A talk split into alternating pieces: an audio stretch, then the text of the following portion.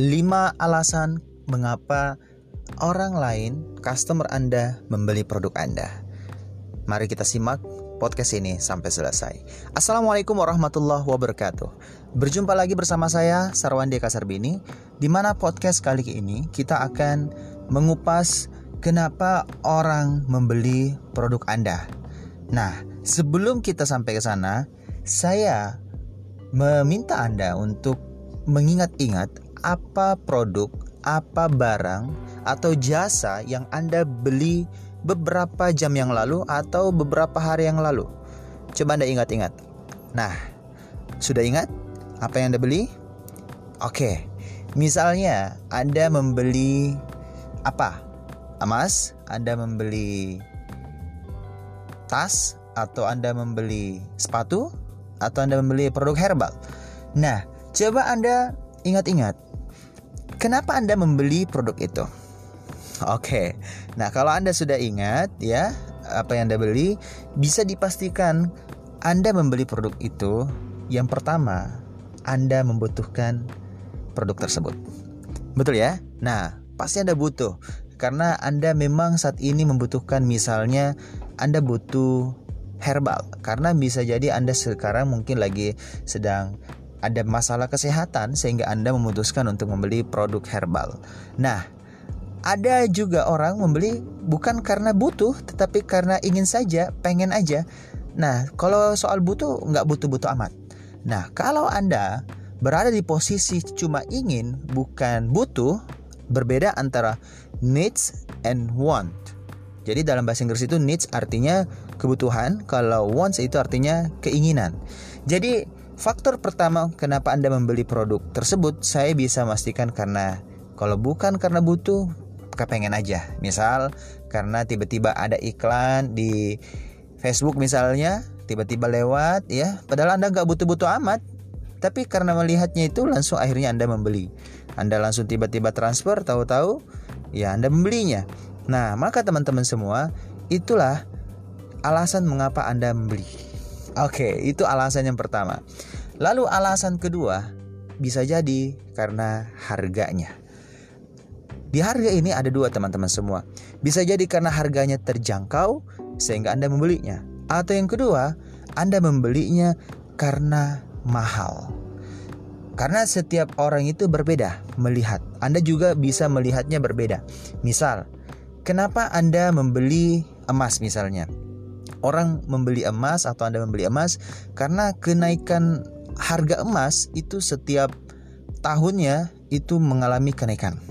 Jadi Anda tidak mau menunggu naik lagi dan naik terus sehingga Anda membelinya saat ini juga. Nah, begitulah alasan kenapa Anda membeli produk yang lainnya. Mungkin karena lagi ada promo ya atau lagi ada diskon atau karena ada lagi ongkir gratis. Nah, bisa jadi itu yang membuat Anda kenapa Anda membeli produk Anda, produk yang Anda baru saja beli. Bisa jadi beberapa jam yang lalu atau kemarin-kemarin. Nah, atau ada yang kedua. Ya, dari faktor kedua ini masih ada yang kedua. Bukan karena dia terjangkau, tapi karena Anda melihatnya itu mahal. Pasar Anda atau Anda sendiri bisa jadi tidak membutuhkan produk yang murahan atau Anda tidak butuh produk yang terjangkau. Justru Anda malah mencari produk yang membuat gengsi Anda naik sehingga Anda membeli sesuatu yang mahal. Maka, kalau Anda memilih produk yang mahal, ternyata juga worth it. Itu juga sangat ngefek dan berfungsi juga ternyata. Karena produk yang mahal itu ada pasarnya dan bisa jadi Anda punya tipe membeli barang bukan karena murahnya, justru karena dia mahal, dia berkualitas dan akhirnya Anda membeli karena dia memiliki harga yang bagus. Misal, Anda tahu bahwa jeruk di pinggir jalan dengan jeruk yang ada di toko atau di mall atau di restoran, Anda pasti membeli karena apa? Karena kalau Anda murah ya pasti Anda cari yang di pinggir jalan.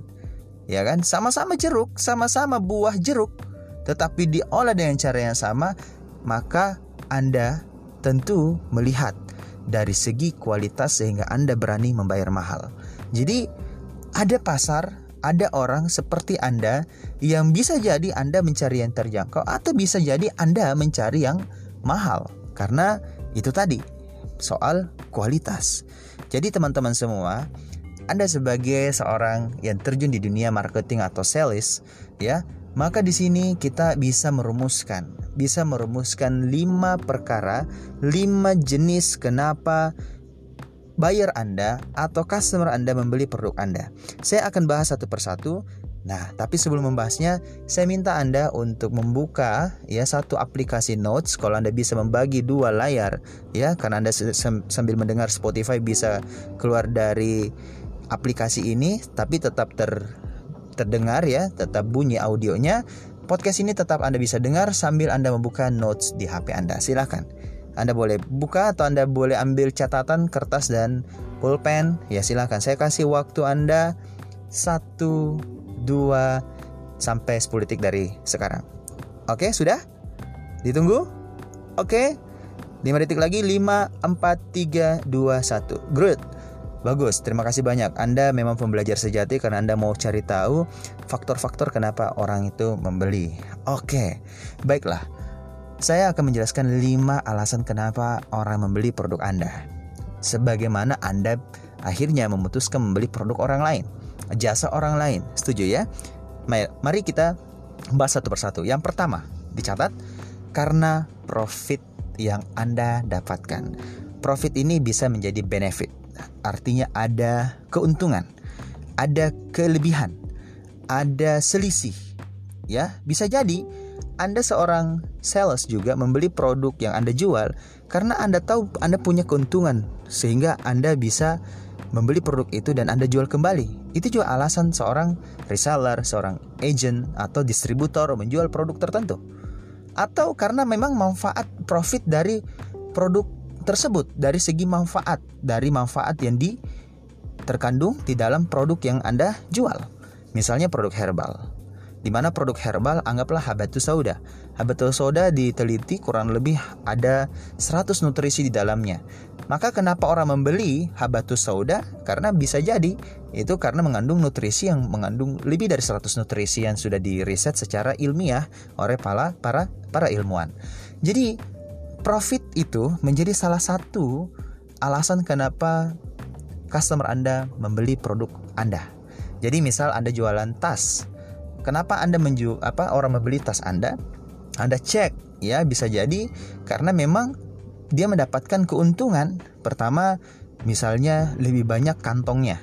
Lebih banyak kantongnya di mana dari banyak sisi di belakang ada ada namanya tempat ruang utamanya, terus juga ada bagian depan. Bisa jadi itu, sehingga dia bisa menampung. Termasuk juga bisa jadi space-nya. Ya, ada juga orang mencari yang space-nya kecil karena dia ringan, profitnya ada. Jadi ada keuntungan yang dia dapatkan. That's the first. Itu yang pertama.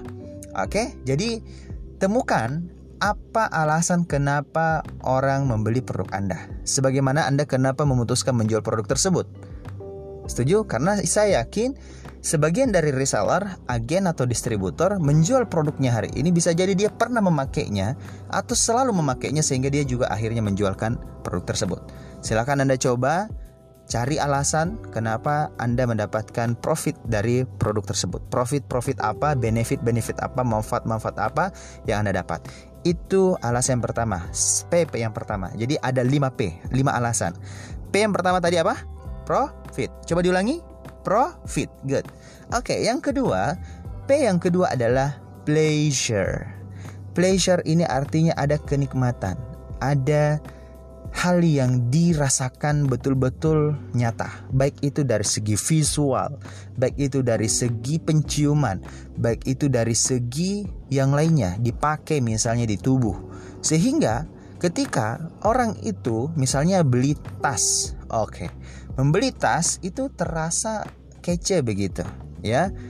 Enak aja menikmati begitu. Kalau misalnya orang beli bantal karena sekarang ada bantal yang di dalamnya ada apalah bahasanya itu ya saya kurang tahu gitu ya jenis-jenis bantal. Yang jelasnya ada aja orang membeli bantal karena faktor nyaman di dia apa? Di kepala dan juga di leher. Karena sekarang mungkin ada orang yang tidak membeli lagi yang terbuat dari kapas biasa aja begitu yang sudah ada semacam bahan lain yang membuat itu lebih nyaman lagi di kepala.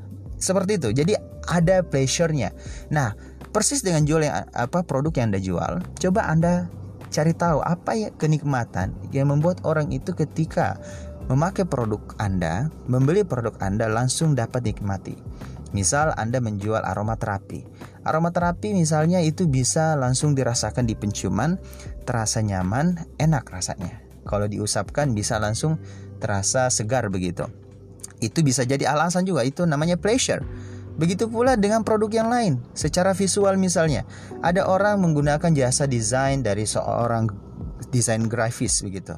Nah, seorang desainer itu pasti memberikan pleasure kepada customernya itu dengan membuat desain yang terbaik yang sesuai dengan kekinian misalnya atau sesuai dengan tema yang dibutuhkan oleh customer itu namanya pleasure sehingga apa yang dinikmati oleh visual apa yang dinikmati oleh penciuman dan apa yang dinikmati oleh bahkan telinga misalnya Spotify Kenapa Anda mau mendengarkan Spotify?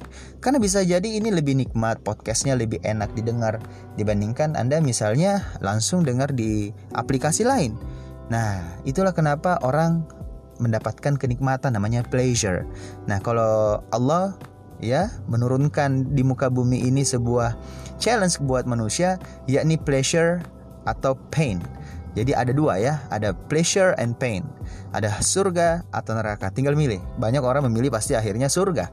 Nah, maka surga yang akhirnya kita harus beli dengan melakukan namanya amal soleh dengan pahala yang banyak kita kumpulkan nah itulah pleasure yang dikejar oleh manusia nah maka alas orang membeli karena ada sisi pleasure-nya. Oke? Nah itu dia. Lalu yang ketiga tadi saya sudah sebut pain.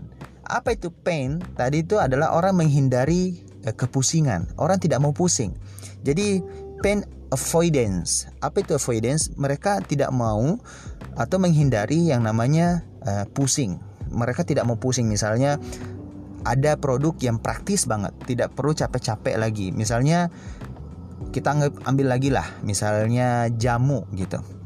Kalau dulu jamu kalau datang dibawa oleh mbak-mbak ya, bawa gendongan begitu, itu butuh proses begitu ya, butuh proses jalan sampai ke rumah, menunggu lagi. Tidak praktis ketika kita lagi butuh di malam hari sedangkan mbak-mbak yang menjual itu itu di pagi hari. Nah lalu diproses lagi diaduk dan cukup lama misalnya nah berbeda misalnya dengan produk yang sudah di dalam kemasan. Anda membelinya karena Anda tidak mau pusing lagi tinggal seduh aja masukkan ke dalam. Misalnya gelas lalu, ada air yang sudah Anda rebus tinggal jadi deh selesai. Itulah kenapa mie instan itu hadir untuk membuat orang itu merasakan kenik apa namanya menghindari kepusingan dan juga merasakan kenikmatan. Nah, jadi ketiga unsur profit, pleasure dan pain avoidance ini itu membuat alasan kenapa orang membeli produk Anda. Nah, bisa di, dicatat apa tadi yang pertama? Profit. Yang kedua apa? Pleasure. Yang ketiga apa? Pain. Tulisannya itu P A I N. Oke, okay. pain. Alright. No pain, no gain. ya ya ya. Mungkin ada sudah ingat deh salah satu iklannya itu ya. Oke. Okay. Nah, kita lanjut ya. Nah, yang keempat, apa yang keempat? Yang keempat adalah pride atau orang merasa proud. Proud itu artinya bangga. Ada kebanggaan tersendiri, ada kegengsian tersendiri kenapa orang memakai produk itu. Jadi gunakanlah unsur-unsur di mana orang bisa bangga, merasa bahagia, eh, bukan bahagia ya, bangga.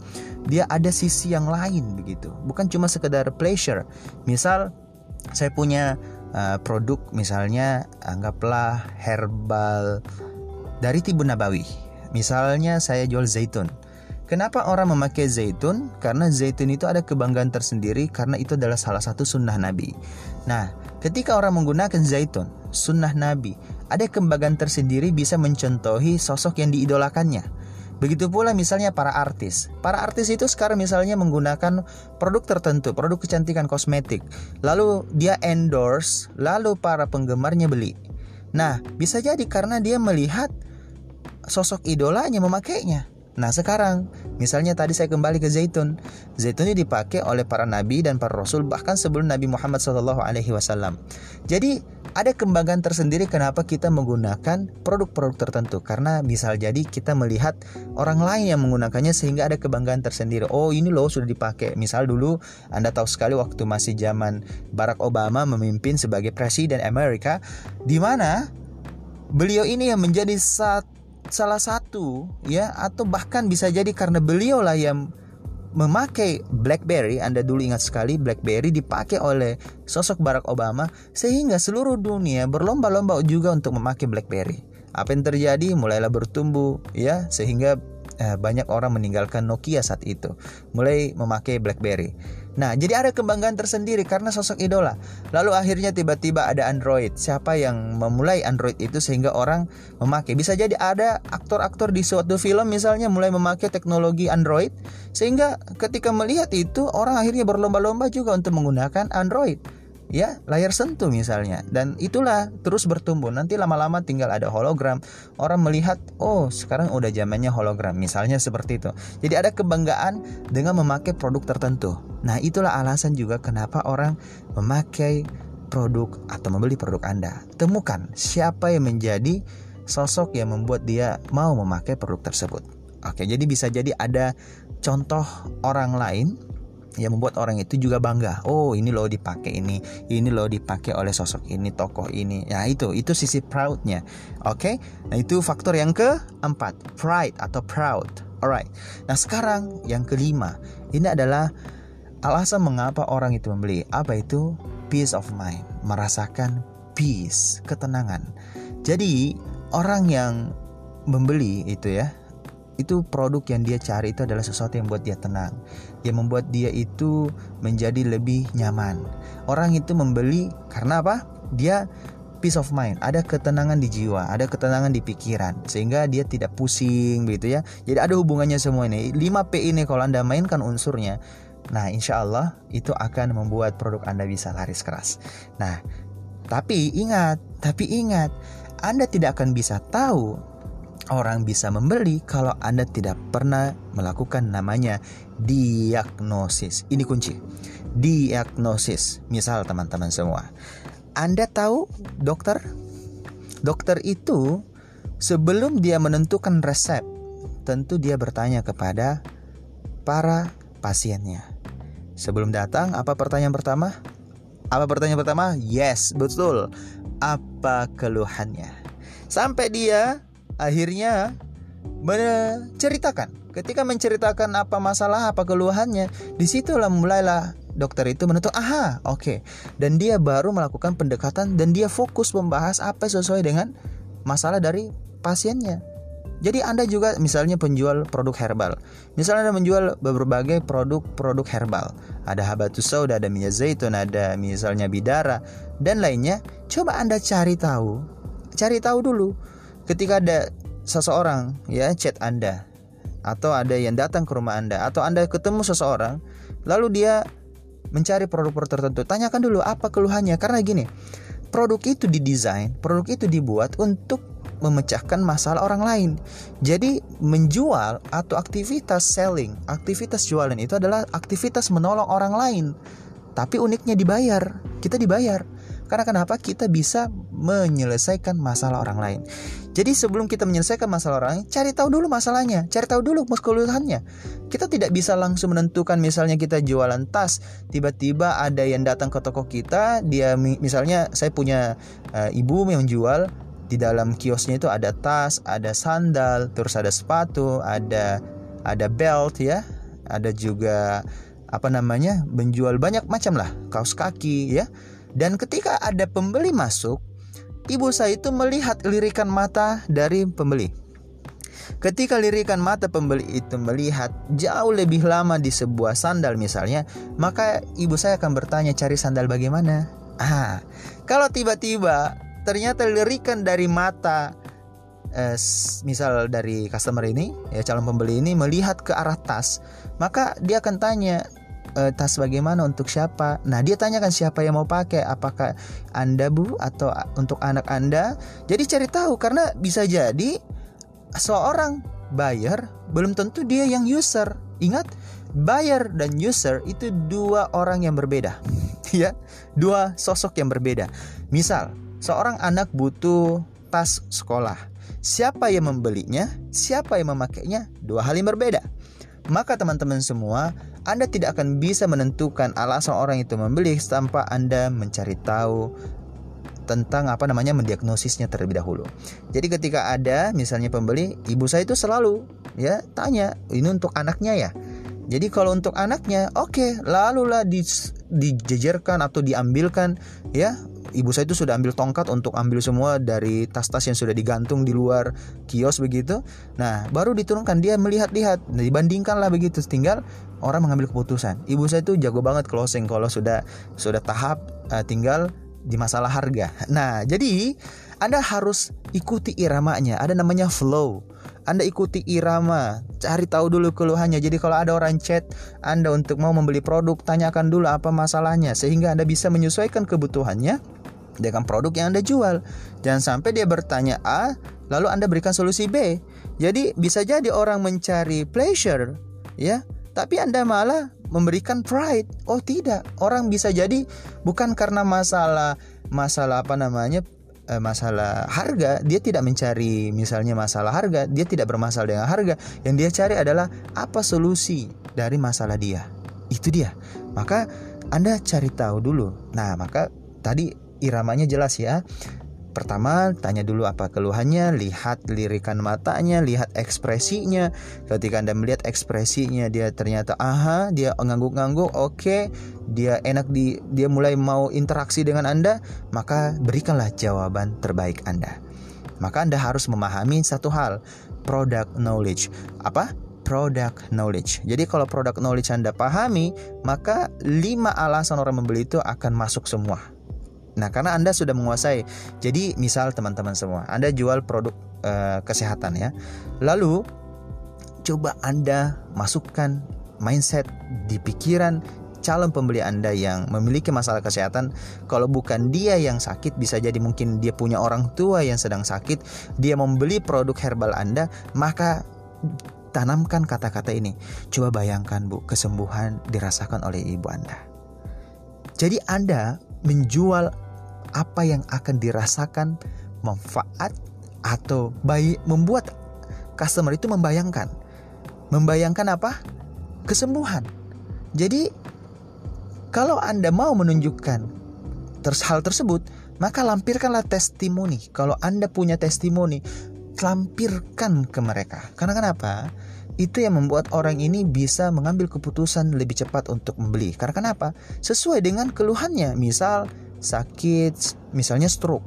Dia punya nah, keluarga misalnya ada yang stroke lalu Anda lampirkan testimoni yang stroke ada yang sembuh misalnya cara pemakainya bagaimana maka yakin dan percaya orang ini lebih memutuskan untuk beli. Akhirnya orang ini ketika merasakan ya enak nih cocok nih oke okay lah ya apalagi Anda juga menyenangkan pada saat Anda diajak tanya jawab maka yakin dan tidak orang ini akan memutuskan untuk membeli cepat atau lambat. Kalau dia sudah mengatakan yes, selamat Anda closing. Kalau belum, maka tinggal aja tunggu follow up-nya. Karena follow up itu saya akan bahas di kemudian hari insya Allah di podcast lainnya tentang hukum follow up. Bagaimana teknik follow up dan berapa lama waktu follow up sehingga bisa menghasilkan closing. Oke, mungkin itu saja teman-teman semua. Sudah 23 menit kita sharing tentang bagaimana Eh, membuat orang itu ada lima alasan yang membuat orang itu membeli produk Anda. Semoga bermanfaat. Saya Sarwani Kasarbini nutup doa kafaratul majelis setiap podcast ini. Subhanakallahumma bihamdik asyhadu la ilaha illa anta astaghfiruka wa atubu ilaik. Wassalamualaikum warahmatullahi wabarakatuh. Jangan lupa share ini ke tim Anda. Semoga bermanfaat ya. Bye bye.